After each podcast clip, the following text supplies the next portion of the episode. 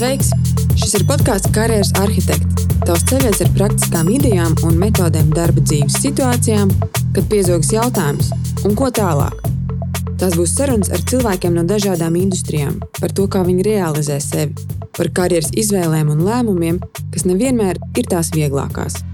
Es esmu Ginta Šepa, podkāstu veidotāja, karjeras un līderības coach, un es no sirds ticu, ka katrs no mums ir stāsta vērts Seko karjeras arhitektiem arī Facebook un Instagram. Tur es mēdzu padalīties ar vērtīgiem resursiem saistībā ar karjeras attīstību. Sveiks, klausītāji! Man ir neviltots prieks atkal padalīties ar kādu jaunu stāstu. Un izskatās, ka es turpināšu tradīciju, jo uzsāku podkāstu ar stāstu par to, kā nomainīt profesiju. Tā bija saruna ar Līgu Lētiņu. Arī šodien, 2021. gada sezonu, sāksim un turpināsim ar stāstu par profesijas maiņu. Šodien podkāstu viesņi ir uzņēmuma IF apdrošināšana lietotāja pieredzes dizaineri, jeb kā tautā mīl dēvēt šo profesiju, UX dizaineri Linda Laskovska. Linda savā karjerā ir mainījusi profesijas vairāk kārt. Ļoti mērķiecīgā un neatlaidīgā darbā nogājusi transformācijas ceļu, ja to tā varētu saukt, un turpina audzēt savu ekspertīzi šodien UX dizainā. Par to tad šodien arī izvaicāšu Lindu, kā viņa pati ir izgājusi cauri ko viņi tagad darītu savādāk, un kā viņi līdz tam lēmumam nonāca, kad ir pienācis laiks kaut ko mēģināt jaunu. Čau, Linda! Čau! Es uzreiz ķeršos vērsim pie ragiem. Cik gara ir tava kopējā darba pieredze? Ah, nu tagad jāpaskaita. Baigi daudz jau nav, tāpēc, kad uh, es vēl esmu salīdzinoši jauna. Baigi, nu, jā, jāpaskaita. Um, lietotāju pieredzē es strādāju tagad uh, gandrīz trīs ap pusgadus. Okay. Tas ir viens. Bet vēl mm -hmm. pirms tam es nostrādāju grāmatvedībā un personāla vadībā trīs gadus. Tā kā sanāk, jā, kaut kas, kaut kas tuvojas uh, septiņiem gadiem. Septiņi gadi. Mm -hmm. Tā kā mums uh, prognozes sola, ka mēs strādāsim, mums būs jāstrādā līdz 75 gadu vecumam, tad Parēķini, cik daudz tu vēl vari pagot profesijas, pamēģināt, ja līdz 75 gadu vecumam. Vai ne? Ja tu septiņu gadu laikā jau esi jau senāk trīs profesijās ieskatījusies, tad, ugh, cik tev vēl daudz kas priekšā. Jā, īstenībā pat varbūt vairāk nekā trīs. Nav. Kāda izskatās tava ikdiena šobrīd, esot lietotāja pieredzes dizaineru amatā? Ko tas nozīmē? Jā, šobrīd tas nozīmē ļoti daudz komunikācijas. Liekas, tā ir tā numur viens, kas uh, it kā neiet kopā ar to vārdu dizainers. Nu, daudziem, bet uh, esmu sapratusi, ka tā ir numur viens uh, prasme, kas ir vajadzīga, lai, lai strādātu šajā nozarē, amatā. Un, un, un tā mana ikdiena pārsvarā sastāv no uh, vidējam cilvēkam noteikti gribētos teikt ļoti daudz sapulcēm, man gribētos teikt, ka normāli daudzums apulcēm, bet tas arī ļoti atšķirīgs no dizainera, no tā, uz ko viņam vairāk nesas prāts. Vai viņš ir tas, kurš nolien savā aliņā un uzzīmē un izpēta un izdara, vai arī viņš ir tas, kurš iet un meklē un, un jautā ļoti daudz jautājumus, kas un kāpēc. Tas arī ir, man liekas, tas galvenais mans darbs. saprast, ko mēs darām un kāpēc mēs to darām tieši tā. Un vai tas kādam vispār ir vajadzīgs un vai nav kāds labāks risinājums. Un, um, mm -hmm. jā. jā, tieši par to lietotāju pieredzes dizaineru profesiju. Man šķiet, ka tā ir salīdzinoši jauna joma. Nu, tā paskatās, atskatās laika nogriezienī. Un no sarunām darba intervijās es esmu novērojis, ka par šo profesiju mēdz būt ļoti dažādas izpratnes, nu, kur tās robežas ir, jā, un, kā, un, un kas zem tās profesijas vispār kādi mm. virzieni ietilpst. Vai tu vari pakomentēt, kas ir tās disciplīnas, kas, ko, var, ko var cilvēks traktēt kā UX dizaineru darbu? Tur jau tā lieta, ka uh, izpratne ir ļoti dažāda, un tie darbi arī patiešām ir ļoti dažādi. Un ar to es saskārusies vairāk kārt, ka vakances ar vienādu nosaukumu nebūtu nenozīmē, ka tur būs jādara viens un tas pats. Un Latvijā īpaši tā, tā lieta ir vēl joprojām salīdzinoši svaigi. Kaut gan speciālisti nu jau ir auguši drusku kā sēnes pēc lietas. Nu, tad, kad es sāku, tad uh, bija daudz mazāk, un tas nebija nemaz tik sen. Pirms trīs ap pusgadiem sākt, tas īstenībā tāds uh, mirklis vien ir. bet uh, nu jau visas komandas ir izaugušas spēcīgi. Bet, uh, jā, ko tas sevi ietver?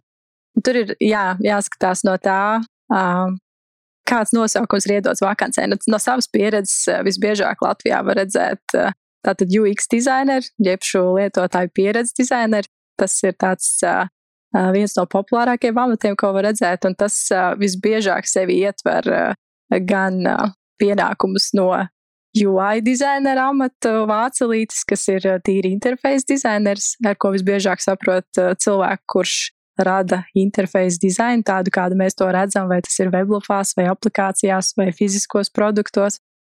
Un tā UX daļiņa ir tā izpēte, testēšana, prototipēšana, domāšana, workshopēšana. Latvijas ļoti grūti piemeklēt tam vārdu, bet mm. tāda, nu, gan klientu, lietotāju, cilvēku, kas lietos to produktu izpēti, gan arī pasūtītāju motivācijas izpēti, nu, kas biznesa kontekstā tas ir tāds, nu, mums ir ļoti daudz jāiet un jārunā ar tiem, kas ir izdomājuši, ka kaut kas ir vajadzīgs un, un jāizprot, kāpēc. Un, un tā kā, tur tāda neliela projektu vadība un strateģiskā domāšana ļoti nāk klāt.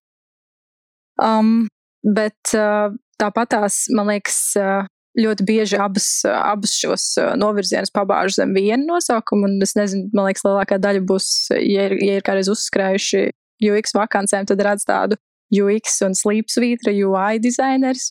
Un tas ir tāds, ar ko tas viss sākās arī Latvijā, manuprāt. Vienu brīdi tā tika uzskatīta kā tāda dabiska izaugsme no grafiskā dizaina, ka nu, nākamais ir tad, tad tu ej kā UX UI dizainers. Un īstenībā tie darbiņi bija vairāk UI darbiņi, nevis tas UX tik daudz. Man bija nedaudz līdzīgs stāsts uzsākot. Bet, uh, un jā, un tad attiecīgi tālāk nedaudz varbūt aplami, bet tiek uzskatīts, ka tā kā nākamā izaugsme pēc UX UI ir tīri UX dizainers. Nu, kas tā kā vienkāršos vārdos teikt, dizainers, kurš vai nu vairs nemaz nezīmē, vai nu maz zīmē. Uh, bet tā arī nav patiesībā taisnība, ka, tā ir tāda, tā kā, ka tas būtu tas izaugsmas celiņš. Ko es uzskatu par tādu izaugsmas celiņu, ir nākamais, eh, kas, eh, ko sauc par produktu dizaineru, kas jau ir vairāk tāds ne tikai fizisku produktu izstrādātājs, nu ne fizisku, bet redzamu produktu izstrādātājs, bet arī tas strateģiskais domātājs aizkulisēs par to, kāpēc tas produkts ir vajadzīgs un, un kā tas strādās un, un, un ko tas atrisinās kādam cilvēkam. Jā, es tagad neesmu drošs, vai es jau aizpildēju no jautājuma, vai es atbildēju. Kā tev šķiet? Nē, tu atbildēji, jā, es klausos, kad ir ļoti ietilpīgs tas lauks. Ja? Tur ir ļoti, gan rekur, ko tās, piemēram, grafiskais dizains, gan tā komunikācija ar klientu, ar lietotāju, izpēte, rekur tālāk jau attīstību uz produktu dizainu. Nu, ļoti, ļoti ietilpīgs. Jā, es aizmirsu vēl vienu komunikācija ar izstrādes komandām. Tas ir ļoti, ļoti, ļoti liela darba sastāvdaļa. Un es novēroju, ka bieži vien tas lietotāja pieredzes dizain, dizainers ir tāds tā kā starpnieks starp biznesa cilvēkiem, kuriem ir kaut kādas lietiņas, ko viņi grib radīt, un starp to izstrādātāju, kuram arī būs tas patiešām jāuztais. Un, Tiltiņš. Jā, jā, tā ir arī tāda nopietna mm. darba daļa. Jā. Pirms tu biji, pirms tu nonāci šajā profesijā, Tu biji personāla vadībā. Jā. Jā. Kāds bija brīdis, kad tu saprati, ka es gribu kaut ko mainīt? Visi man tā personāla vadība vairs neinteresē. Nu, tā pavisam godīgi man tā personāla vadība nekad nebija interesējusi. Tad man liekas, bišķi. tad kā tu nokļuvi tur, ka tev viņa vispār neinteresē? Vai nē? Man liekas, tad bišķi mums jāpiet atpakaļ uh, vēsturē, Ejam. uz vidusskolu. Un, un es biju nu, es nezinu, vai tāds klasisks gadījums, bet man liekas, ļoti daudziem tā ir. Ka ir tas bariņš ar tiem skolēniem un klases biedriem, kuri taču zina, ko viņi grib darīt. Viņi vai nu tur būs ārsti vai juristi, viņiem ir mērķis, viņi iet un viņi dara, un viss notiek. Viņi jau ir izdomājuši. Un es biju tas uh, skolniecis, kuram nebija nejausmas, un kuram bija pilnīgi bezmaz vai vienalga. Un, uh, man... Straumē ļāvās, ja? Nu jā, negluži tādā ziņā, vairāk tādā man liekas, depresīvajā izteiksmē, kad es nezinu, ko es ar savu dzīvi gribu iesākt. Es tā kā nebiju Pilnīgi tas, kuram vienalga. Stāvoklis. Nu, jā, jā, jā, bet ne visiem tā ir.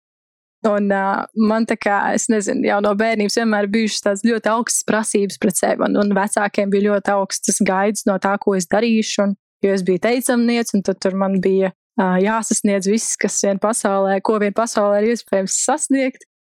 Un tad es mhm. biju mazliet paralizēta, nu, ko man darīt. Un tad uh, es atceros, es klausījos arī tavu podkāstu ar Līgu Lētiņu, un, un viņa bija tajā debušu klubā, un es arī biju debušu klubā. Tad es domāju, varbūt tas kaut kāds apvienojums tiem UX dizaineriem. Kad viss sākās debatēs.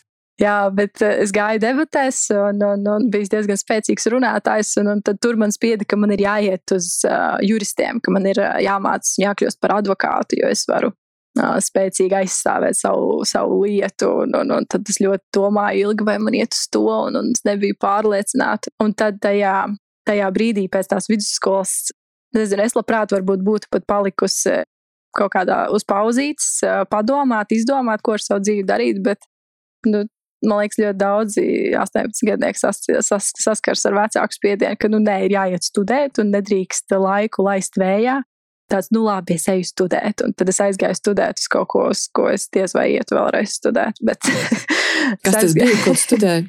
Es aizgāju studēt um, tādā interesantā studiju programmā, kas, kur īstenībā grāts ir uzņēmējdarbībā, bet uh, to sauc uh, inovācijas un produktu attīstību. Un es aizgāju nu, tur. Klausies, nu tas taču pa tēmu, ne? Nu, rīktīgi pa tēmu, vai ne? bet tas būtu pa tēmu tagad. Bet tad, kad man bija 18 gadi, man ļoti nebija pa tēmu. Un es no tām studijām īstenībā ieguvu ļoti maz. Tas bija tāds. Um, No tagadējo prātu es redzu, cik daudz tur varēja iemācīties. Tur tādas tur strateģiskas lietas, un, un, un, un viss par ekonomiku, un uzņēmumiem, un uzņēmumu darbību, un, un, un visas šīs uh, visas lietas, ar ko es saskaros tagad. Protams, mm -hmm. kaut mhm. kas jau ir aizķēries, bet uh, tajā brīdī kad joprojām man bija tā sajūta, ka es nezinu, ko es ar savu dzīvi gribu darīt, un tad es eju tajā kursā, kur man īsti tas neinteresē, un, bet, es, bet man arī nekas cits neinteresē. Un tad tāds tā kā, nu, tādā pusdzīvībā izvelc to kursu un pabeidz tos četrus gadus, un tad bakalaura kabatā un mirs un bērziņš. Jā. Jā, tā kā. Tālāk jāmeklē darbs. Un tālāk jāmeklē darbs, un, un bišķi, bišķi atgriežoties pirms pirms skolas pabeigšanas, eh, nu, tā kā es joprojām nezināju, ko es gribu darīt, eh, tad es centos eh, nu, maksimāli izmantot iespējas, ko man piedāvā dzīve. Un tad es pirmā kursa vasarā aizbraucu uz Ameriku, tirgot grāmatas. o, oh, cik lieliski iespēja! Vai ne? Es nezinu, vai par to gan jau daudz ir dzirdējuši, bet tā, tāda lieta cirkulēja vismaz manā studiju laikā, augstskolu vidū, un, un tā bija tāda programma, un man likās, ah, tas tik interesanti, un, un es tagad braukšu, un es būšu pats savs uzņēmējs, un tur viss notiks. Un, un, un tas pats par sevi ir garš stāsts, bet viss neiz, neizdevās tā, kā bija paredzēts. Un uh, beigās es uh, visu vasaru pavadīju nevis uh, tirgojot grāmatas, bet strādājot viesnīcā. Un, un, un tas bija interesants pavērsiens un laba pieredze. mm -hmm. Pavisam noteikti. Tā, tā īstenībā ir vēl viena profesija, kuras, kuras esmu iemēģinājusi. Turismā tu esi arī acis, jā, jā. iemetusi. Jā, viesnīcās, bet, um, bet jā, es centos tās iespējas izmantot. Vēl augstskolas laikā aizdevos uz Dāniju Erasmus studijās, tādās garākās, veselu, veselu gadu es tur pavadīju. Um, arī biznesa skolā, nu, jā, tagad mm -hmm. atskatoties arī īsti nesaprotu, ko man tas deva, bet uh, man liekas, tā katram ir jāpadzīvojas kaut kur, lai saprastu, ka mājās ir vislabāk. jā, apbružājās. Jā. Jā, tā kā spriedītim jā. jāpavazājās pa pasauli apkārt un tad atgriežas mājās. Nu, aptuveni. Tā kā kaut kur es paspēju izstaigāties, un tad, un tad, tad studijas tuvojās beigām, un tad vajadzēja praksi sākt meklēt. Un tad es sameklēju praksi atkal kaut kur, uh, kaut, kā, kaut kādā lietā, kas, ar ko man pilnīgi nekad nav bijis nekādas saistības, aizgāju praktizēties mūzikas menedžmentā. Un, un, un, un, kaut kas vēl pilnīgi cits. Jā. un tad beigās sanāca tā, ka es palīdzēju organizēt uh, grupas astronautu koncertus. Gan jau kāds klausītājs varbūt ir bijis, bija tāds vienreiz ļoti interesantā vietā, Galerija Rīga, pazemes autostāvvietā. Mēs taisījām koncertu. Un, un, un uh, tur es piedalījos no A līdz Z, un, un uh, ļoti daudz uh, dažādas prasmes apguvu, kas bija arī ļoti interesanti. Nu, piemēram, nu, piemēram tas, ko...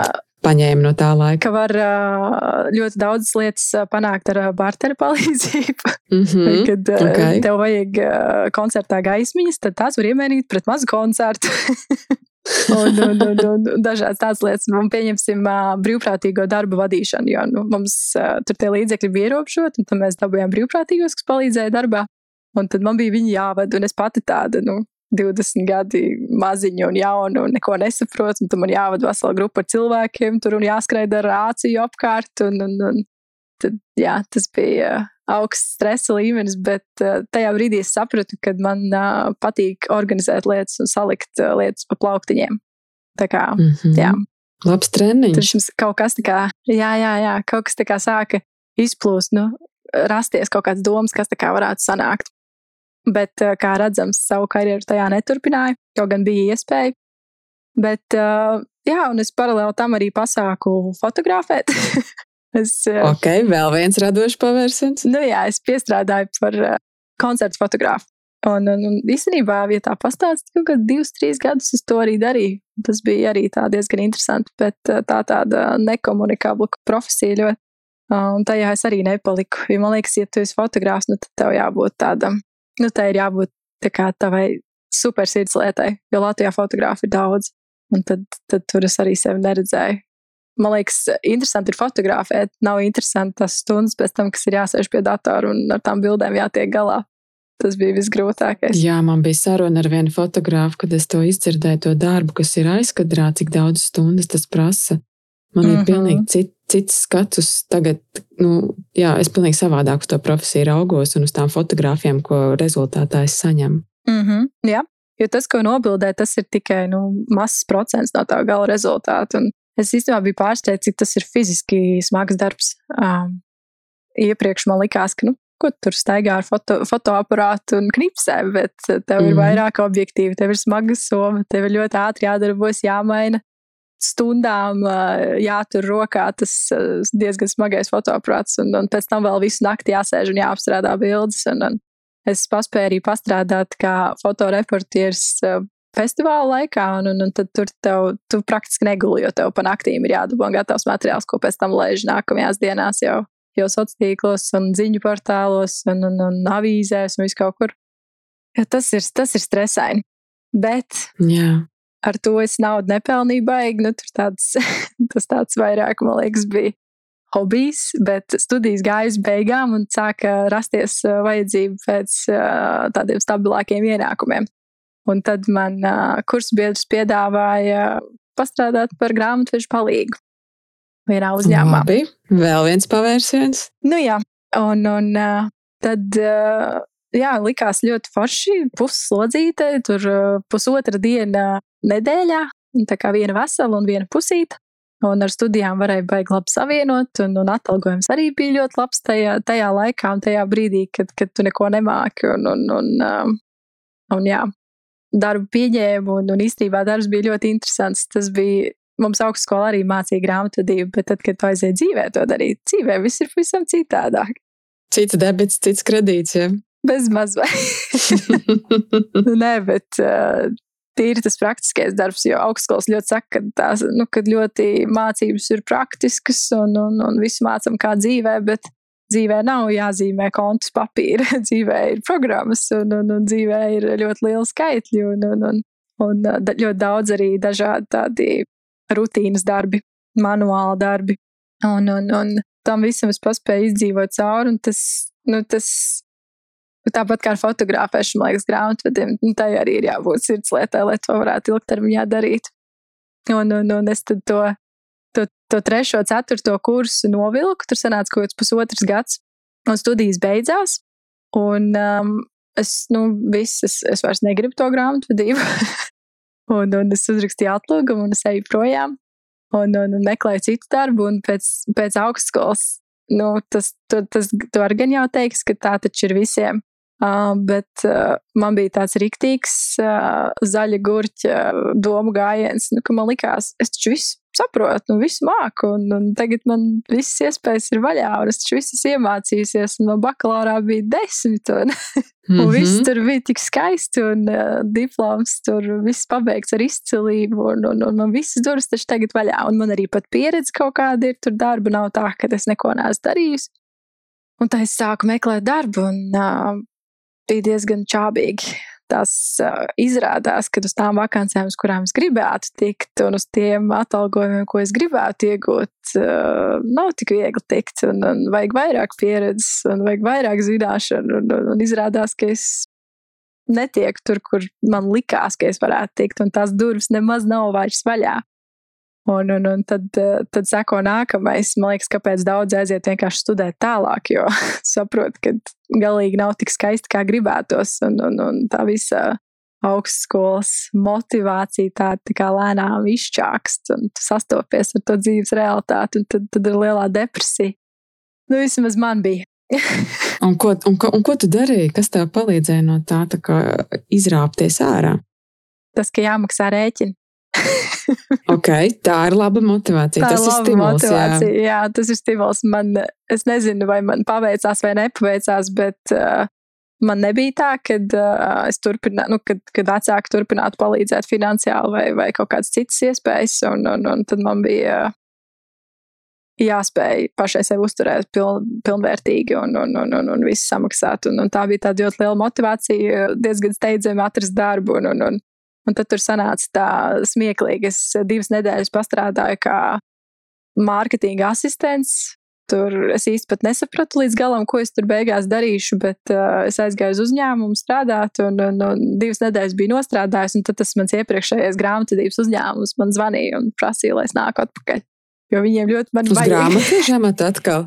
Uh, nu, tur bija tā lieta, kad uh, es teicu, ka es uz grāmatību tā kā negribu, nu, man tā kā galīgi nepatīk, un, un es nu, ne, ne jau tāpēc es mācījos, un, un beigās mm. tāda, jā, izvirzīju savas prasības, ka man vajag kaut ko vairāk. Un tad uzņēmums nāca pretī, kad uh, mēs tev laidīsim mācīties, mums īstenībā vajag uh, tagad uh, personāla vadītāju. Nu, personāla speciālistu īstenībā, jo nu, mm -hmm. es, es vienmēr mūstu, kad teikt, ko es darīju, jo es biju vienīgais uh, speciālists, un es, nu, teorētiski esmu arī vadītājs tajā nodaļā, jo neviena cita tur nav. Tad es nezinu, kā pareizi, kā pareizi ir jāsaka. Bet uh, nu, tā kvalifikācija, ko es ieguvu pēc apmācībām, man bija jā, personāla vadības speciālists. Mm -hmm. Tu, principā, tev uzņēmums piedāvāja gan apmaksāt tavas studijas, gan darbu, amatu izveidoja tev. Jā, tad, nu, Aptuveni tā. Tādi labi apstākļi, labvēlīgi. Tev. Jā. Jā. Ļoti labvēlīgi, bet nu, tur, nu, tur bija tādas dažas nianses, kāpēc tā steidzami notika. Tur bija uzņēmuma pārņemšana, un, un tad tur vajadzēja kādu, kas pazīst to visu. Jo es īstenībā jau strādājot par to grāmatvedi, diezgan daudz jau tos personāla darbiņus arī paralēli darīju. Jo vajadzēja kādu, kas ar to visu palīdz un tiek galā, bet tad es varēju tā kā pilnvērtīgi pāriet uz to. Un tad tā ikdiena, nu, uz papīra likās, ka būs daudz interesantāk. Īstajā atkal realitātē tas viss jau nonāca līdz tam, ka tas īstenībā bija diezgan vienmuļš darbs. Nu, tādā uzņēmumā, kur, tā, kur tāda profesija ir kaut kas jauns un, un iepriekš ar to nodarbojusies sekretāri, tad tur, tur bija, un arī es pati nav tā, ka baigi sapratu, ko tas viss nozīmē. Nu, atkal, ja es tagad strādātu par to, es jau redzētu tur pavisam citas iespējas, ko, ko tur varēja darīt. Bet tā realitāte bija vairāk tādi rekrutēšanas darbiņi, lietvedība, kaut kāds darbā pieņemšanas, atbrīvošanas darbi un, un, un, un darba intervijas. Tas gan bija tas pats interesantākais. Tur es arī sapratu, ka man patīk komunicēt un patīk runāt ar cilvēkiem. Un, un, jo tās darba intervijas tas bija tas uh, medutiņš no tā darba. tas mm -hmm. pats interesantākais. Un, un, un viss jau it kā sanāca un bija ok. Un, un, uh, Es domāju, nu, varbūt man tā profesija tā kā varētu ar laiku iepatikties, bet uh, var, visticamāk uzņēmums nav īstais, kurā to darīt.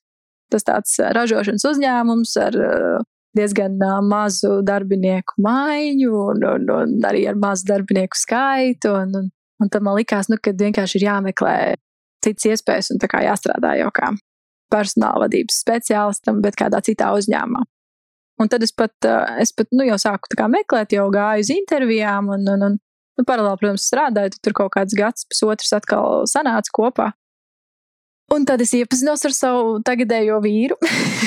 Ak, tā, labi, jā. pavērsiens. Tā tad šeit ienāk vēl viens spēlētājs. Vēl viens spēlētājs. Karjera, jā. Nu, jā, dažkārt arī šādi notikumi karjerā atstāja kaut kādas izmaiņas. Jā, atstāja īstenībā ļoti liels izmaiņas, jo es nezinu, man kaut kā tajā, tajā vidē visā strādājot, bija tāds, es biju drusku iestagnējis, ka nu, šī tā ir, šī tā ir reālā pasaule, neko baigi labāku nevar dabūt. Uh, tas, kas man ir, ir šajam, šim laikam ļoti labi, un, un es tā kā neko citu nemāku. Tā bišķi biju sevi nostūmusi uz to apakšiņu, nu, kad biju tā kā apdedzinājusies ar to visu pieaugušo dzīvi. Mm -hmm. Un, un, un jā, drusku iestagnēju, un tad es iepazinos ar viņu, un, un tad es ieraudzīju tās lietas, ko viņš dara, un, un, un cik tas ir interesanti, un cik labi ar to var nopelnīt, kas ir nākamais. Ko viņš darīja? Uh, viņš dara to tieši to pašu, ko es. à, tā tad viņš ir lietotāja pieredzes dizainers jā, mm -hmm. joprojām. Tā kā mēs tagad uh, brālīgi dar, dalām profesiju. Jā, bet uh, tas viss gluži nebija tā uzreiz, ka līdz tam es nonācu, ka es gribu darīt to pašu, jo tas, ko viņš man parādīja, bija tā informācija tehnoloģija pasaule. Un tas uh, jau, jau, jau pirms četriem gadiem tas bija tāds uh, jau burbulis, kurā bija pavisam cits algas, un tas joprojām ir burbulis, kurā ir pavisam cits algas. Un, un es kā personāla speciālists uh, zināju visas algas, cik kam maksā. Tad es redzēju, ka tam manam vīram, kurš ir tikpat vecs, cik es, maksā vairāk nekā man uzņēmuma vadītājiem ar 20 plus gadu pieredzi ražošanā. un man Jā. bija tāds, hmm, Nu, es arī gribu. Cita realitāte, jā. Jā, cita realitāte. Un, un, un, uh, un tad arī tas brīdis arī bija tāds, kad ir īpaši, man liekas, starp sievietēm tas tā baigi reti bija. Viņš jau teica, ka baigi vispār sieviešu kolēģis praktiski nav. Un, un, un, un ka vispār baigi perspektīvā nozara un kad man vajadzētu paskatīties, varbūt man kaut kas tajā interesē visā. Un man jau, protams, nu, pirmā, man īstenībā informācija tehnoloģijas vispār tā kā man vienmēr likās, tas ir tik garlaicīgs darbs, un, un, un, un ko es tur sēdēšu pie datora caur dienu, kaut ko tur klabināšu, programmēšu. Man vispār likās, ka man nav tehniskās domāšanas tikai tāpēc, ka uh, man nepatika varbūt matemātika vidusskolā vai, vai kaut kas tāds. Un tad man bija kaut kādi tādi, nezinu, pašizveidot aizspriedumi, nu, kad tas jau noteikti nav manējais. Kaut gan nu, īstenībā jau nekad nebija mēģinājis. Un, un, un tad mēs uh, prātojam, prātojam, ka nu, man tā personāla vadība tomēr nepārāk patīk. Un, un, un, un tad viņš teica, nu, pamēģini kaut ko papēt, kas tev varētu interesēt. Un tad es sāku pētīt, kādas tur profesijas ir. Un tad es uh, pirmo paķēru, ka es gribu būt programmētāji. o, oh, interesanti. Kāpēc Jā. tieši programmētāji? Tas teikt, tev matemātika vidusskolā ne? nebija mīļākais priekšmets. Kāpēc tu uzreiz ķeries klāt tam smag, smagajam galam? Vai ne? Es īstenībā arī joprojām nesaprotu, bet man liekas, tas bija kaut kas. Um, uh, tā kā man likās, nu, ja es tur eju, tad man jāņem tas pats izaicinošākais. Un, kad un man bija kaut kāda hipotēze izveidojusies, ka, nu, ja es to apgūšu, tad man būs ļoti viegli dabūt darbu, jo sievietes programmētājs praktiski nav, un, un tas ir baigā niša, un, un, un es to varētu darīt. Un tur arī ir tas visaugstākais atalgojums. Tā arī joprojām ir. Bet, uh, tajā brīdī es kaut kā biju uz, uzķā, uzkāpus uz tā, kad, ka es gribu labi pelnīt. Un, un, un, nu, tā, tā ir tāda lieta, par ko vispār baigi reti, kad runā. Un man liekas, ir tāds arī, nu, es nezinu, it īpaši sieviešu starpā tas ir tāds, ir jau labi, kā ir, un, un sievietes baigi neprasa un, un nemeklē tos, nezinu, algas pielikumus un, un tās iespējas vairāk nopelnīt. Bet man tā bija tajā brīdī tāda motivācija, jo es sapratu, ka nu, man īsti nekas neinteresē. Es biju joprojām tāds depresīvais putniņš, kam diezgan vienalga, ko es daru. Es domāju, ja es daru kaut ko, kas man nepatīk, tad es gribu vismaz rīktīgi labi par to saņemt. Vismaz lai piķis ir. Jā, jā lai, lai piķis nav problēma un lai, un lai mēs varam, nezinu, mums bija arī doma, ka mēs varētu uztaisīt savu mazo aģentūru vai kaut ko. Viņš būs tā kā dizainers un es būšu tas, kurš realizēs tos projektus. Ideāls tandēms. Vai ne? nu, un, kā, un, un kā tava programmētājas karjera virzījās, attīstījās? Vai ne? Tas ir nākamais stāsts. Um, nu, es sāku mācīties, un tas personāla vadības darbiņš, nu, tur, tur bija tāda arī diezgan daudz brīvu brīžu. Uh, daudz ko arī darba laikā sāku mācīties. Kad, kad bija kaut kas garlaicīgāks, un, un, un tad es sēdēju jā, pa vakariem arī un, un, un mācījos uh, programmēšanu no pašiem sākumiem. Tad tur ir dažādi interneta resursi, kur var sākt, un, un, un, un izgāju tur. Nezinu, daudzi, kas ir sākuši mācīties, gan jau zina, bija tāds free code camp, un, un, un taisīju savas tur lapiņas, un, un, un, un mācījos dažā, apgūt dažādas valodas, un, un visus pamatus, un arī, arī par visām iekārtām, tehniskajām lietām, kas un kā strādā, bet uh, es sapratu, ka es baigi apstājos un iestrēgstu vienmēr, tad, kad ir vizuālais noformējums.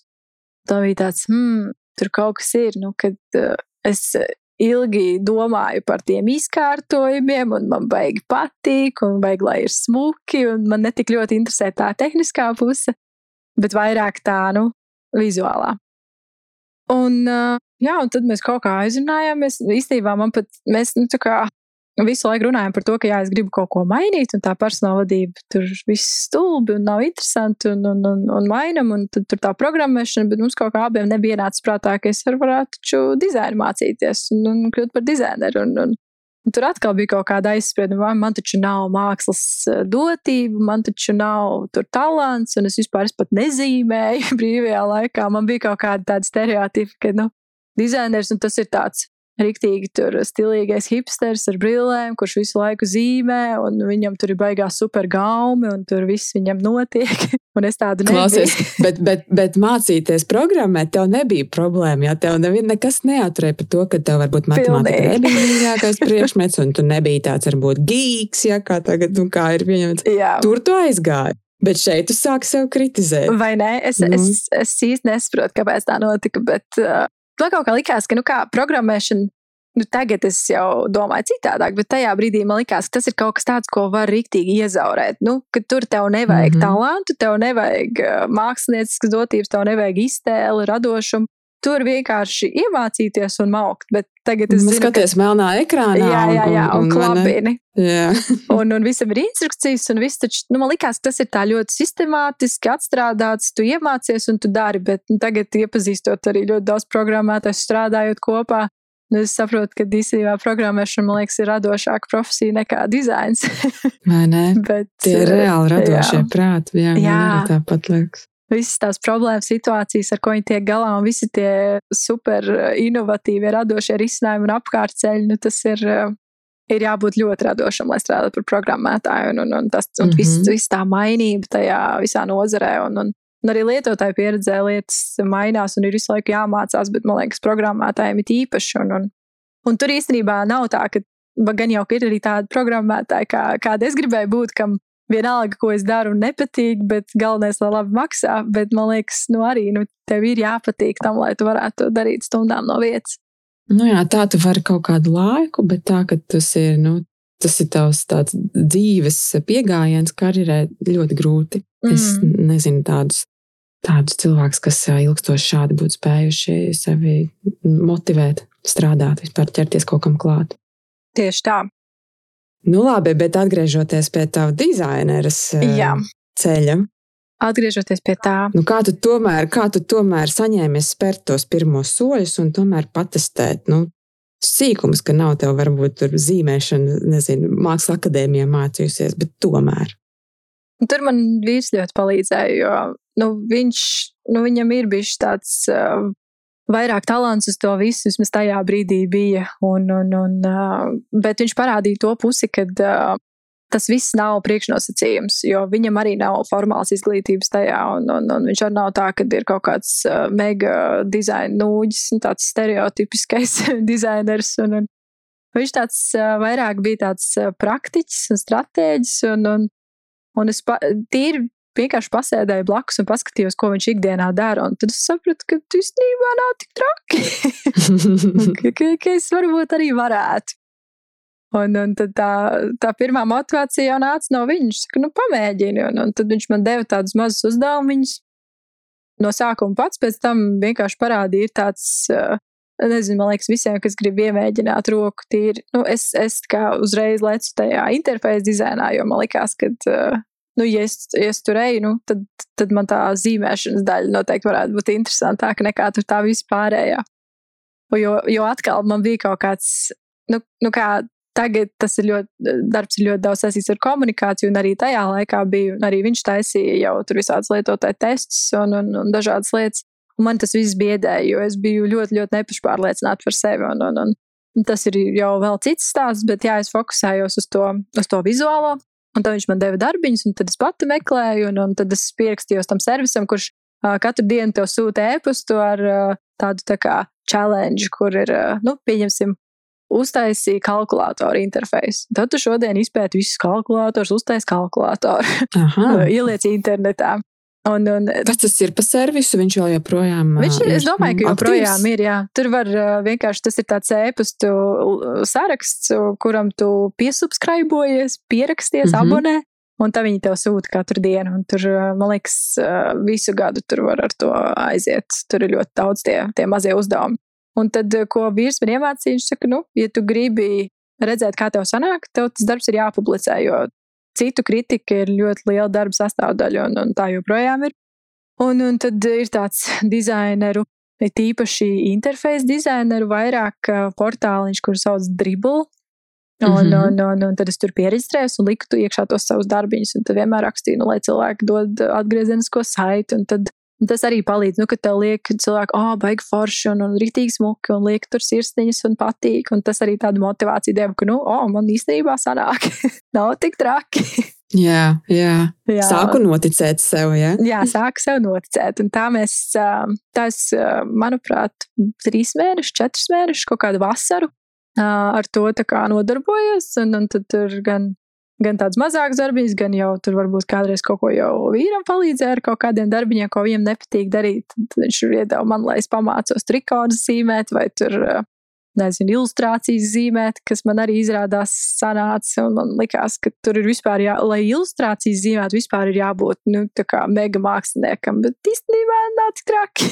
jo mm -hmm. mūsdienās ir tas bonus, ka tu vari ļoti, ļoti daudz mācīties no citiem. Nu, kaut ko nemāki, iemet YouTube, viss priekšā tutoriāls, izpildi kopā ar to cilvēku, un tev jau viss skola rokā tu vari taisīt. Es tāpat tās ļoti ātri apguvu arī animācijas taisīt, kas man vispār likās, ka tas mega kosmos, nu, ka to es taču nekad nevarētu darīt.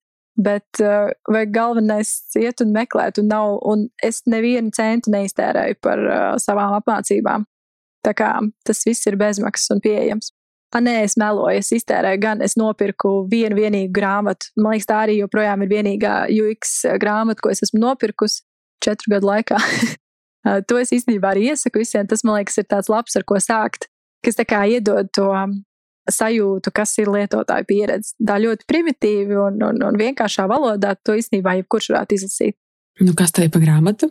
Stīva Kruga Don't Make Me Think. Mm -hmm. Un, un tas īstenībā tā ir tāda, tas tāds bestsellers, riktīgi standarta, ko visi ir izlasījuši parasti. Uh, bet, uh, manuprāt, nekad nenovecos ar to domu, nu, ka šie speciālisti ir vajadzīgi, lai atvieglot lietotājiem dzīvi, lai, kā grāmatas nosaukums saka, lai neliktu man domāt, lai es kaut kur ieju un man viss ir intuitīvi skaidrs, kas man ir jādara, kas man ir jāspiež un kāpēc.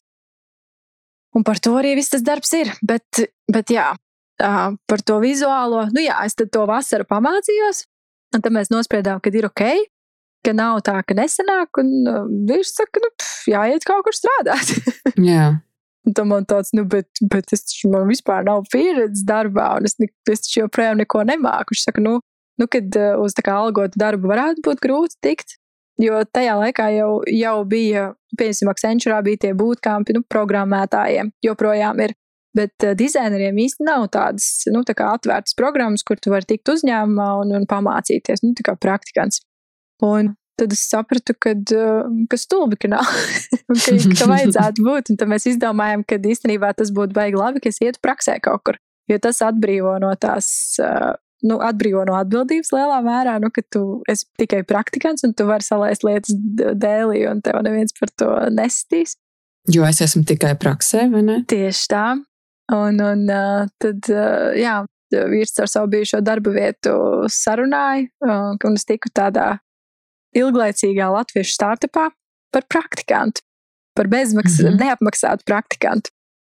Ok, es tev šeit gribu apturēt. Jā. Jo tu pirms tam uh, pieminēji un teici, ja, kad, kad tev bija svarīgs tas finansiālais uh, moments. Jā. Pelnīt daudz, iet IT industrijā, kur tas ir iespējams. Un, un, un diezgan svarīga, būtiska lieta priekš tevis. Un uh, kā tu, nu, kā tu pēc tam ar šo pieņēmi, samierinājies, kad rekur tagad kaut kādu brīdi es būšu praktikants un man es vispār nesaņemšu nekādu atalgojumu. Kā tu ar sevi sarunāji? Vai ne? Tas tāds, nu jā. Nu, tas ir, manuprāt, nu, tas eh, moments, kad tu nolēmi mainīt profesiju. Tev ir jāpieņem tā doma, ka kaut kādu brīdi man ienākumi var mazināties, vai varbūt man ir jādomā, kā man pārdzīvot kaut kādu laiku ar uzkrājumiem, kad es vispār mm -hmm. neko nepelnīšu, vai ne? Nu, kā ar sevi šo darījumu noslēgt? Nu, man ļoti paveicās, ka es nebiju viena tajā situācijā, un uh, man bija vīrs, kurš varēja atbalstīt un nu, Jā. reāli uzturēt tajā brīdī, jo es uh, galīgi nebiju tas, kuram, cilvēks, kuram bija beigie uzkrājumi. Īsti nu, tas atalgojums personāla vadībā tajā brīdī nebija tik liels. Un, un man ļoti paveicās, un īstenībā, ja es atskatos, un ja es tajā situācijā būtu viena, tad tas lēmums noteikti nebūtu tik vienkāršs. Jo tas risks ir liels, un man nebija nekādas garantijas, ka pēc tās prakses man būs apmaksāts darbs, bet es centos arī to darīt ar tādu norunu, ka tikai trīs mēnešus, un pēc tam es meklēju darbu. Nu, ja tas nesanāk, tad es meklēju mm -hmm. citu Vienalga, kaut okay, tas ir citā nozarē. Jā, jā jūs, trīs mēneši. Jā, jo es negribēju, nu, es ļoti negribēju būt tā, kas dzīvo uz kāda cita rēķina. Un, un, nu, kaut gan, nu, it kā ģimenē tas, tas ir normāli, bet nu, tajā brīdī nebija tā, ka mēs tur jau gadiem būtu dzīvojuši kopā, un tas bija tā vēl mm -hmm. svaigi. Un tad es, tie trīs mēneši jau bija ļoti daudz, un, un tas noteikti nebija viegli. Bet uh, nu, es centos ļoti taupīgi dzīvot. jā, jā. Bet, eh, bet jā, man, nu, man paveicās, ka bija tā finansiālā drošība, lai es to varētu darīt, un, un attiecīgi arī tā motivācija un atbalsts. Un, un, un viņš, viņš ļoti gribēja, lai, lai es eh, daru kaut ko, kas man uh, patiktu, vismaz kaut cik, un lai es sevi tā kā vairāk realizēju. Jo nu, tā iestagnēt kaut kur viņam tas likās, nu, ka tas nav jādara. Un, un, un es, tā kā, es tā kā klausīju, es viņam piekritu. Nē, tas, tas ir brīnišķīgi, kad ir jā, cilvēki apkārt, kas tic tev un atbalsta, un dažkārt pat bišķiņi pastumj tajos brīžos, kad mēs paši sabīstamies. Tieši tā, tā pastumšana bija ļoti svarīga.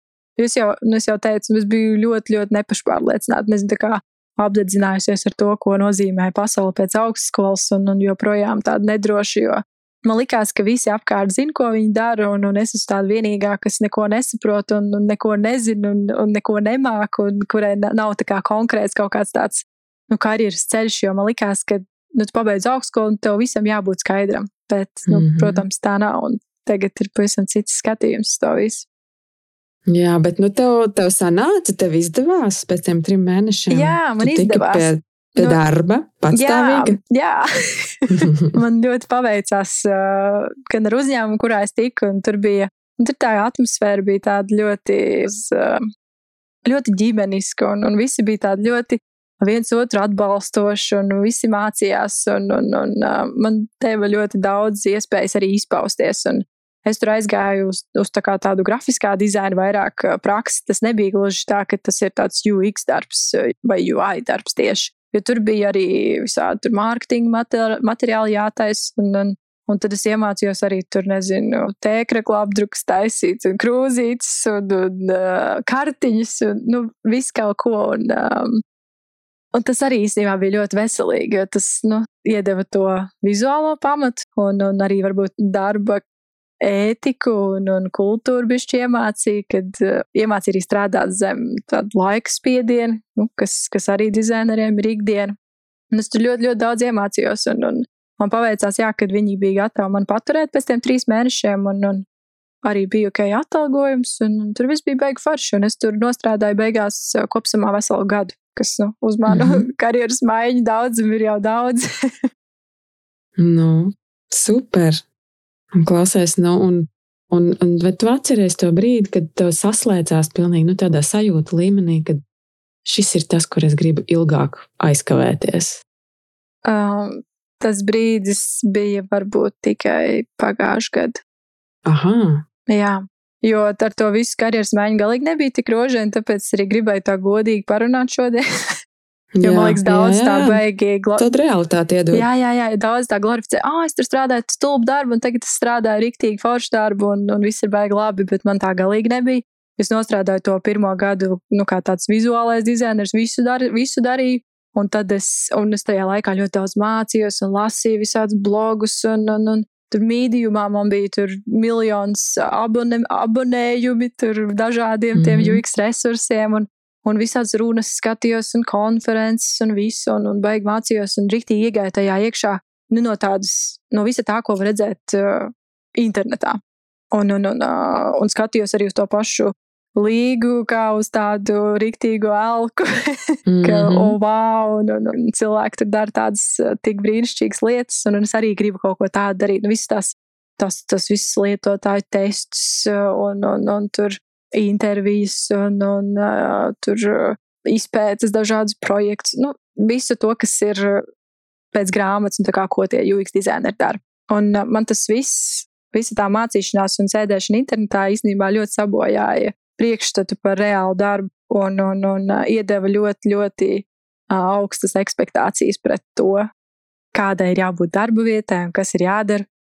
Un īstenībā pat nereālistiskas expectācijas, jo nu, es to visu samācījos, un man likās, nu, man vajag vairāk, un tad es pametu to darbu, un aizgāju uz citu darbu bankā, un strādāju pie uh, finteka, un, un darbs bija ļoti interesants, es tagad atskatos, darbs bija īstenībā brīnišķīgs. Tur bija brīnišķīga komanda un brīnišķīgas iespējas. Un, un, uh, diezgan pat ļoti tuvu grāmatai tas uh, viss process, kā tur lietas notika attiecībā uz lietotāju pieredzi. Un, un arī viss tas agile setups un, un, un, un viss tur strādāja ļoti labi, bet man likās, nu nē, ir jābūt labāk. Un te tas mm -hmm. nestrādā, un šis nestrādā, un vēl kaut kas nav labi.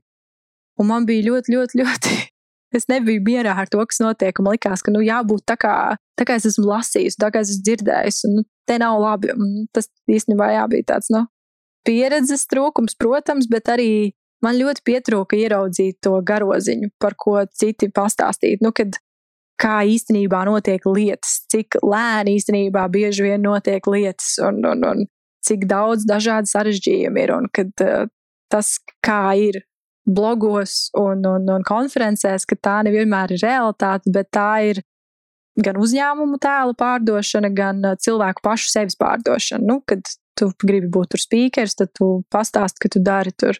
Tas labākās, skaistākās jā, lietas. Tu salasi no visas savas karjeras labāko lietu atcelīt, ko tu varbūt desmit mm. gadu garumā darīsi, un to pasniedz tā, it kā tā būtu tava ikdiena. Un tad es klausos, un man liekas, wow, es arī tā gribu, un man tā nav. Un tur nu, rīktīgi depresija un viss slikti. Konflikts. Un, nu, rīktīgs. Un, un, un, un, un es. Jā, un viss bija slikti, un es biju ļoti neapmierināta ar to, ko es daru, un visas darba vietas ir sliktas. Un, un, un, un es sāku tajā brīdī, es biju ļoti, ļoti, nezinu, ja tagad skatās, tā diagnoze noteikti būtu izdegšana. Tas tāds uh, populārs mm -hmm. termins, bet jā, es arī to dabūju piedzīvot. Un es sāku iet uh, pie psihoterapeita. Un uh, to es gribēju pieminēt, jo man liekas, ka uh, nav labākas, uh, labāka vei, labākas vietas, kur ieguldīt naudu, kā vien uh, terapijā. Terapijā. Ja tu, jā, ja tu kā cilvēks nejūties laimīgs ar savu darbu, kaut gan darbs īstenībā, nu, ja tā no malas pastāst, nekas tur nav nevainas, darba vieta ir, ir forša, tur labs, labs atalgojums, labi kolēģi, viss tā kā notiek, bet, nu, tu esi nelaimīgs. Es nezinu, man katru dienu iet uz darbu bija zobu sāpes, un, un man bija panikas lēkums, un viss kaut kas, un es jutos tā kā tāds. Nu, es nezinu, no malas gan jau izklausās tāds uh, nelaimīgs mileniāls vai kas, bet, bet tās problēmas tajā brīdī, nu, tas bija pavisam reāli. Un, un, Un, un tik daudz cilvēku ar šo sajūtu jā, dzīvo gadiem. Jā, tas ir visbriesmīgākais īstenībā. Kad tu jūties, ka tu nedari ar savu dzīvi to, ko tu gribētu, un tu iznieko to, un, un, un, bet tāpat laikā tu nezini savu vietu, un, un, un, un tāds, nu, tāda dziļa eksistenciāla krīze. Un it kā, jā, nu, it kā tas darbs taču ir labs, un, un viss tur ir apkārt forši, bet viss, viss ir slikti konstanti. Un, un, un, un, jā, un, un tad terapija bija tas, kas man palīdzēja īstenībā iemīlēt darbu un atgrieza atgriezties tajā stāvoklī, ka es sapratu, ka man īstenībā nevis darba vietās, vai kolēģos, vai metodēs bija problēma, bet problēma bija manī un manās gaidās un tajā tēlā par sevi, ko es esmu izveidojis, vai, nu, vai kas ir izveidojies nu, no bērnības, protams. Un, un, un. Mm -hmm. Tur bija kaut kādi bērnības traumas, vēl kaut kas, bet Bet, bet jā, tajā procesā nu, tas viss sākās vēl kamēr strādāju bankā, bet es tur baigi ilgi nenostrādāju. Es nostrādāju tur pusgadu, un tad es aizgāju strādāt uz citu lielu tehnoloģiju uzņēmumu un nonācu Arābu Emirātos. un tad es strādāju tur. Un, un tikmēr arī biju joprojām terapijā, un, un, un joprojām es biju rīktīgi nelaimīga. No malas tur draugiem vai kam stāstu, ah, ko dari? Un tā es tur strādāju Abu Dabī par lietotāju pieredzi dizaineru milzīgā nacionālajā naftas kompānijā. Mums Klausies, ir... tev apskaust varēja no malas mums tā klausoties. 70. stāvā un ēkā ir golfa šis te laukums, un es, jā, es strādāju augstākajā debesu skrāpī Āzijā. ne, viņi sūdzās un slikti viņa esot. Ja? Un tad ir tas, mm -hmm. tā otra puse, ko neviens neredz, kad, ko es daru visā laikā ārpus darba, reāli sēžu viesnīcā, ēdu saldējumu un raudu. jā, jā. Jo, jo viss ir slikti, un es joprojām esmu nelaimīga, un viss ir slikti, bet um, Bet tas, nu jā, tas ir tas brīdis, kad, ja tā notiek, tad ir jāskatās sevi un jāmēģina saprast, kas ir tas, kas visu padara tik sliktu, jo tā ārpasaule nevienmēr ir tik vainīga kā tā iekšējā pasaule. Mm. Un tad man paveicās, kad, nezinu, man paveicās ar savu terapeitu, un man paveicās gan jau arī pašai ar sevi, ka es diezgan ātri spēju atvesaļoties no tā un, un, un, un iegūt to, kas man visu laiku pietrūka. Tā ir tā pašapziņa un uh, spēju noticēt sev, kad, kad es, ka es saprotu lietas, un kad nav tā, ka visi ir gudrāki par mani. nu, Jā. protams, ka tā joprojām ir, un lielākā daļa cilvēku ir gudrāki par mani, bet, bet es, man bija ļoti izteikts, nu jā, es īstenībā aizmirsu galveno lietu pieminēt par to, kāpēc es biju terapijā. Jo es strādāju, man bija ļoti izteikts tas latviešu beig nav nosaukuma, angliski to sauc par imposter syndrome. Un tas sanāk, nezinu, viltvāru sindroms. Mm. Vai kaut kas nu, tāds. Bet... Tas būtu jā, tuvākais tāds tulkojums, ko varētu tur likt klāt. Jā, jā, bet tā doma jā. bija, kad uh, man likās, kad, uh, ka tas, ko es daru, nu, tā nav visticamāk pareizi un ka es neko nesaprotu un, un ka es tā kā izliekos, ka es tās lietas māku un ka īstenībā es tās nemāku. Un ar to bija baigi grūti cīnīties. Man liekas, tas ir kaut kas, kas lielākajai daļai jaunu speciālistu kaut kādā jaunā nozarē uznāk. Un tas baigi iedragā gan spēju komunicēt, gan spēju izturēt kritiku. Un, un, nu, tāpēc arī tas darbs pārvērtās par tādu no malas brīnišķīgu darbu, bet īstenībā realitāte ir tāda mazā elīte katru dienu. Tas ir traki, tu visu laiku apšaubi sevi. Jā, visu jā, jā. konstantā tādā stāvoklī apšaubīt sevi. Tieši tā. Mm. Un, un, nu jā, un tad darbs ar sevi, divu gadu gara terapija, kur tagad ir veiksmīgi jau noslēgusies kādu brīdi. Un vēl viena darba vietas maiņa nu, no tā lielā tehnoloģija uzņēmuma nonāca IFA, un tagad es tur esmu jau ilgāko posmu savā, karjerā, savā UX karjerā. Tas ir jau, jau mm -hmm. pusotrs gads, jau drusku vairāk. Un tagad ir tā, ka uh, darbs nepie kā nav vairs vainīgs, un, un, un es izbaudu savu darbu, un man ļoti patīk mani kolēģi, un man ļoti pat, un ir, protams, ir dienas, kad liekas, pf, viss ir slikti un ko es vispār daru, bet tas, ko es iemācījusies, ir, ka tās ir tikai tādas dienas, un tās dienas paiet, un, uh, un visiem tādas ir, kā izrādās. Tad, kad sāk par šito tā atklātāk runāt, arī ar kolēģiem es runāju, nu, visiem tā ir, un, un, un, un pat manam elkam līgai tā ir. un, arī, un arī viņa varbūt izbasīsies un nelaimīga kādu brīdi, un, un, un, tās tās lietas, par ko nerunā un ko nerāda. Un tas man nepatīk. Tāpēc mums visiem gribās izskatīties labāk, jau citu acīs, tādiem foršiem, skaistiem, gudriem. Un iedvesmot visus. Jā, tikai aizmirstam, ka mēs visi esam cilvēki ar savām sliktajām dienām, arī kad viss tiešām pasaule ir sazvērējusies un, un neko negribas. Man ir tāds teiciens, šī arī būs tāda atklātības brīdis, kad es saku, Man gribas uzvilkt savu brūno džemperi un iet stūrī vienkārši pasēdēt. Vai ne? Nu, bet tādas ir nu, arī dienas, kuras ir jāpārdzīvo. Un tas, kā tu teici, jāpalīdz tā apziņa, ka tā ir tikai viena diena. Būs cita diena, būs labas dienas. Tieši tā, un, un, un arī tā atklātības vākšana no kolēģiem un no profesijas arī biedriem, ko es cenšos parasti izsūkt no citiem, nu kā tad patiesībā ir, jo no malas nu, uzņēmumu pārstāvju atnāk, noprezentē, ko tur viņu UX dara un liekas, ka tur viss beigas forši, bet, ar, bet īstenībā tās problēmas, kas ir pie mums uzņēmumā, tādas ir arī visos pārējos. Un man varbūt tā lēkāšana pa tām darba vietām ļoti ir daudz devusi, jo man bija tā brīnišķīgā iespēja ieraudzīt, ka visur ir slikti, visur ir novecojušas tehnoloģijas iekšā, ko sauc par dažādām legacy sistēmām, mm -hmm. kas, mhm. kas traucēja attīstīt jaunas lietas. Visur ir uh, dažādi tehniskie ierobežojumi, visur ir uh, kaut kādu resursu trūkums, nu, kaut kas vienmēr pietrūkst, kaut kas nestrādā tās problēmas īstenībā ļoti atkārtojas. Nekur nav ideāli. Mēs uzskrienam atkal uz tām pašām problēmām. Jā, un, un, un man liekas, kas ir galvenais, ir nevis uh, sviest visu pa gaisu, tāpēc, kad, uh, tāpēc, ka tur ir tās problēmas, bet uh, nu, nomainīt to savu, nezinu, skatījumu uz to, ka tā ir visur. Nu. mm -hmm. Saprast, ka mēs neesam vieni tajā, jo to to bieži aizmirst. Un, un, un atliek vienu kaut kādu prezentāciju, paklausīties, kā iet tur tajā uzņēmumā. Man liekas, viss man jāmet viss pie malas un jāiet uz turieni strādāt, bet tad tu aizies uz turieni un tā zāle atkal nav nemaz tik zaļa tur. Un, nu jā, kā cilvēks, kas četros gados ir nomainījis četras darba vietas, varu jā, tā teikt. Bet ļoti labi klausies, tu, tu iedevi tiešām tādu reālu skatu, kam cilvēks var iziet cauri, gan, gan tādā nu, tīri jā, darba prakti, praktiskā ziņā nomainīt tās vidas un profesijas un redzēt dažādas vidas, bet arī tam, ka mēs izējām personīgi cauri.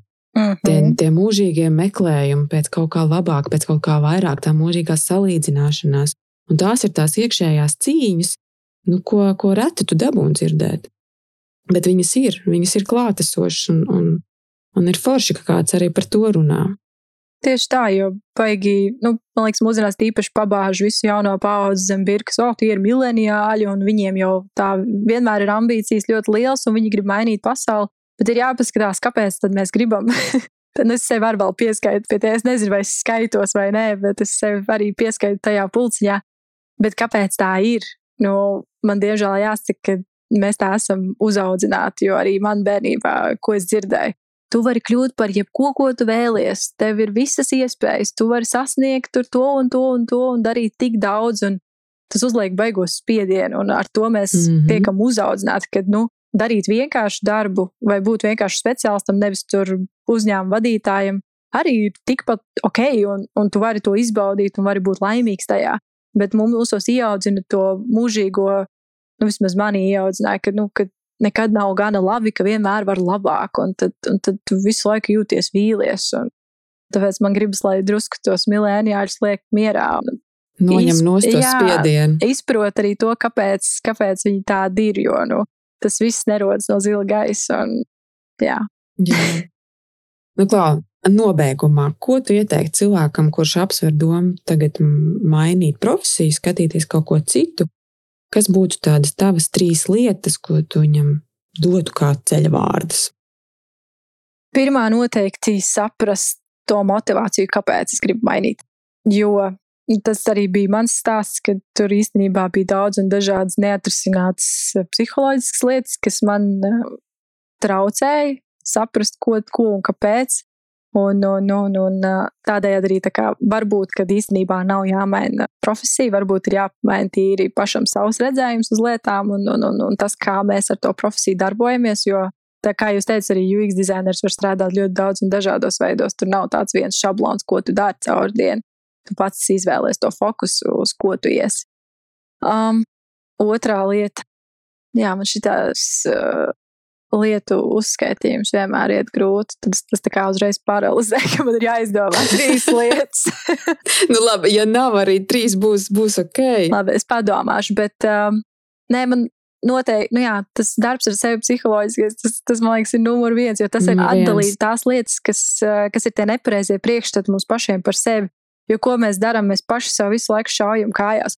Bet es taču neesmu mākslinieks, es taču neesmu tas un šitas, bet uh, ir jāatceras, ka nav tāda lieta, ko īstenībā nevar iemācīties. Un, un mūsdienās ir īpaši, mums ir tik daudz iespēju, tev ir tikai jāpaņem dators, jāatver vaļā un uh, jāpameklē tas, ko tu gribi. Un uh, trešā lieta, man īstenībā ir trešā lieta. Jā, saka. Vajag noteikti meklēt uh, iespējas uh, parunāt ar dzīviem cilvēkiem, kas strādā tajā profesijā, kas tevi interesē. Un ideālā gadījumā ir jādabūna tādu cilvēku, ko tu vai tu pazīsti, vai vismaz tev ir paziņas, kas viņus labi pazīst, lai dabūtu tādu atklātāku sarunu. Uh, es nezinu, kā citi, bet nu, es vismaz vienmēr esmu atvērta. Ja kāds grib kādreiz noskaidrot tos ikdienas sīkumus, nezinu, var uzrakstīt LinkedIn vai kur, un parunāties tīri, nu, tā kā nointervēt to cilvēku, nu, kaut vai, nezinu, uzaicināt uz īstu vai virtuālu kafiju un, un, un parunāt, nu, kā tad ir, kas tad ir tās lietas, ko tu ikdienā dari. Nevis skatīties, nevis ierakstīt internetā, kas ir UX dizainers, un tad vadīties pēc tā, bet sameklēt dzīvu cilvēku un parunāt ar to cilvēku. Un es šaubos, ka uh, kāds baigi atteiktu parunāt vai kaut vai apmainīties ar ziņām par to. Tas, tas manuprāt, ir uh, būtu ļoti vērtīgi. Un, ja es varētu atgriezties laikā, tas ir tas, ko es darītu.